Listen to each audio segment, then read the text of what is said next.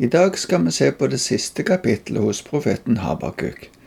Det kalles her ei bønn, men kan minne om en salme. Det kan understreke det som vi sa i første leksjon, at Habakuk muligens var en av lederne for tempelsangen. Uttrykket shigayon, som nevnes i vers 1 her i kapittel 3, det finner vi òg i Salme 7, og blir regnet som et musikalsk uttrykk. Vår forståelse av bønn kommer egentlig bare til uttrykk i vers 2, altså det å be om noe. Ellers har kapittelet form som et profetisk utsagn om Herrens majestet og om Hans komme til dom og frelse. Men vi kan vel si at bønnen går ut på at Herrens dom over de ugudelige må komme snart, men også at Herren må vise barmhjertighet mot de som stoler på Han. Vi leser de første to versene, som er innledningen, og det verset som viser sjølve bønna. En bønn av profeten Habakuk som en shigayon. Herre, jeg hørte gjetord om deg, jeg så, Herre, det du har gjort. Gjenta det i vår tid, gjør det kjent i vår tid. Husk å vise barmhjertighet selv om du er vred. Guds barn har mange løfter om Guds utfrielse og barmhjertighet når han dømmer de ugudelige. Vi kan òg tenke på eksemplene der han dømte jorda, men frelste Noah. Han dømte Sodoma og Gomorra, men frelste Lot. Han frelste Israel og fridde de ut ifra Egypt, som ble dømt. Selv om det ofte blir sagt til Guds folk at de ikke skal frykte, er det allikevel ofte at vi kjenner på en slik frykt når vi ser på det vonde rundt oss og forstår at Gud vil dømme dette. Profeten kjenner òg på en slik frykt eller usikkerhet om hvordan det vil gå, men framfor alt lå det ham på hjertet at Guds gjerning mot hans utvalgte måtte bli virkeliggjort, i fortsettelsen så skal vi se litt på utsagn som kan minne om en profetisk sang, som beskriver Guds majestet og makt når Han går fram. Vi leser noen vers til, ifra tre til fem. Gud kommer fra Teman, den hellige fra Paranfjellet, Sela. Hans herlighet dekker himmelen, og lovsang til ham fyller jorden. Lysglansen er som en soloppgang, stråler går ut fra hans hånd, der er hans styrke skjult. Foran ham går pest, i hans fotspor følger sott. Temaen er en profetisk henvisning til Guds åpenbaring på Sinai. Paran er også en henvisning til Guds ledelse gjennom ørkenvandringen. Det er en del av Sinai-ørkenen.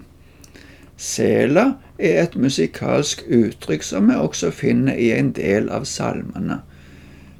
Det er usikkert hva det betyr. Men så skildres Guds strålende makt med uttrykk som lys, glans og soloppgang.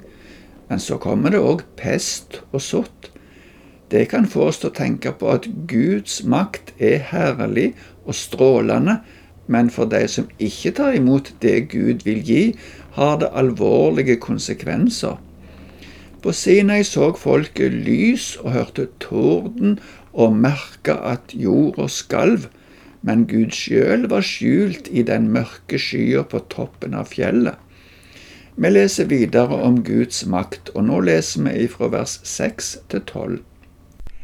Han stanser og rister jorden, han ser og får folkeslag til å skjelve. Gamle fjell knuses, eldgamle hauger synker sammen, han går på gamle veier. Jeg ser Kushans telt rammet av ulykke, og teltdukene i Midian skjelver. Er du harm på elvene, Herre? Flammer din vrede opp mot elvene? Er det havet du er harm på når du rir fram på hestene dine og vognene dine bringer seier? Du gjør buen klar og legger pil etter pil på strengen, Sela. Du kløver jorden så elver renner. Fjellene ser deg og skjelver, styrtregnet fosser ned, dypet hever stemmen og løfter hånden mot det høye. Sol og måne står stille i sin bolig når lyset fra pilene flyr hit og dit, lysglansen fra ditt lynende spyd. I harme skrider du fram over jorden, I vrede tramper du folkeslag ned. Vi ser ofte at profetene skildrer at naturen skjelver, og at skaperverket er kaotisk når Herren kommer. Kushan og Midian henviser til folk som var redde og som ble beseiret da Israel, ledet av Gud, kom til det landet Gud hadde lovt dem. De hadde ingenting å stille opp den gangen da Gud gikk foran sitt folk inn i landet. At jorda ble kløyvd så vannet strømma fram, og også styrtregnet, kan være en henvisning til det som skjedde på Noahs tid. Der beskrives det òg noen lignende uttrykk. Men vi kan òg tenke på at Herren kløyvde Rødehavet så Israel kunne gått tørrskodd over det, og det samme med Jordanelva. At sol og måne står stille, henviser til det som beskrives i Josvas bok kapittel 10, der Josva ba om at Herren måtte forlenge dagen, slik at de kunne vinne det slaget som de kjempa. Det neste verset viser litt av hensikten for Gud når han går fram i sin makt.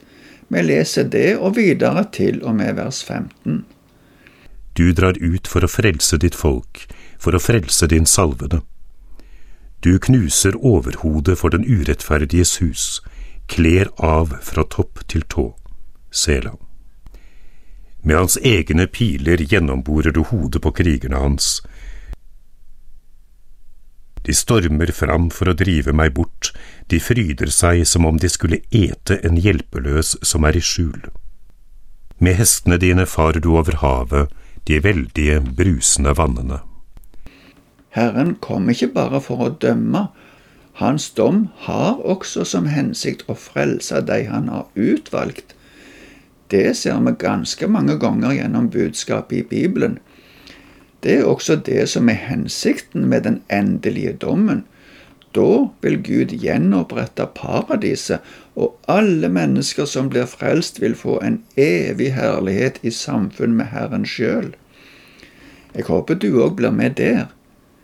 Henvisningen til den salvede her er videre enn til en konge. Det går på alle som er utvalgt av Herren, Selv om Habakuk nok tenker mest på Israel, så tror jeg vi i lys av den nye pakt kan si at alle som tror på Jesus, er utvalgt av Gud til å bli frelst.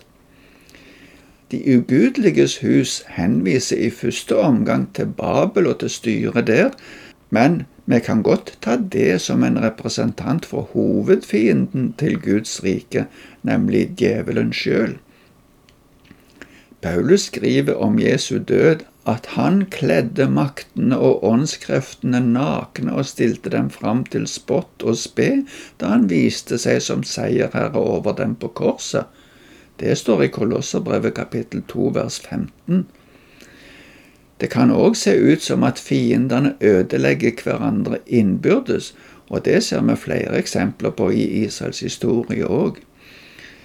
Hva gjør vi når vi hører profetier om dom, men at det også er frelse for de som tror?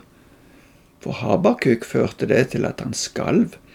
Det var skremmende, det som så ut til å komme, men allikevel var Habakuk rolig, for han visste at han var på Guds side, eller rettere sagt at Gud var på hans side. Vi leser resten av kapittelet og setter overskrifter etter det som vi finner i vers 18. Jeg vil fryde meg i Herren.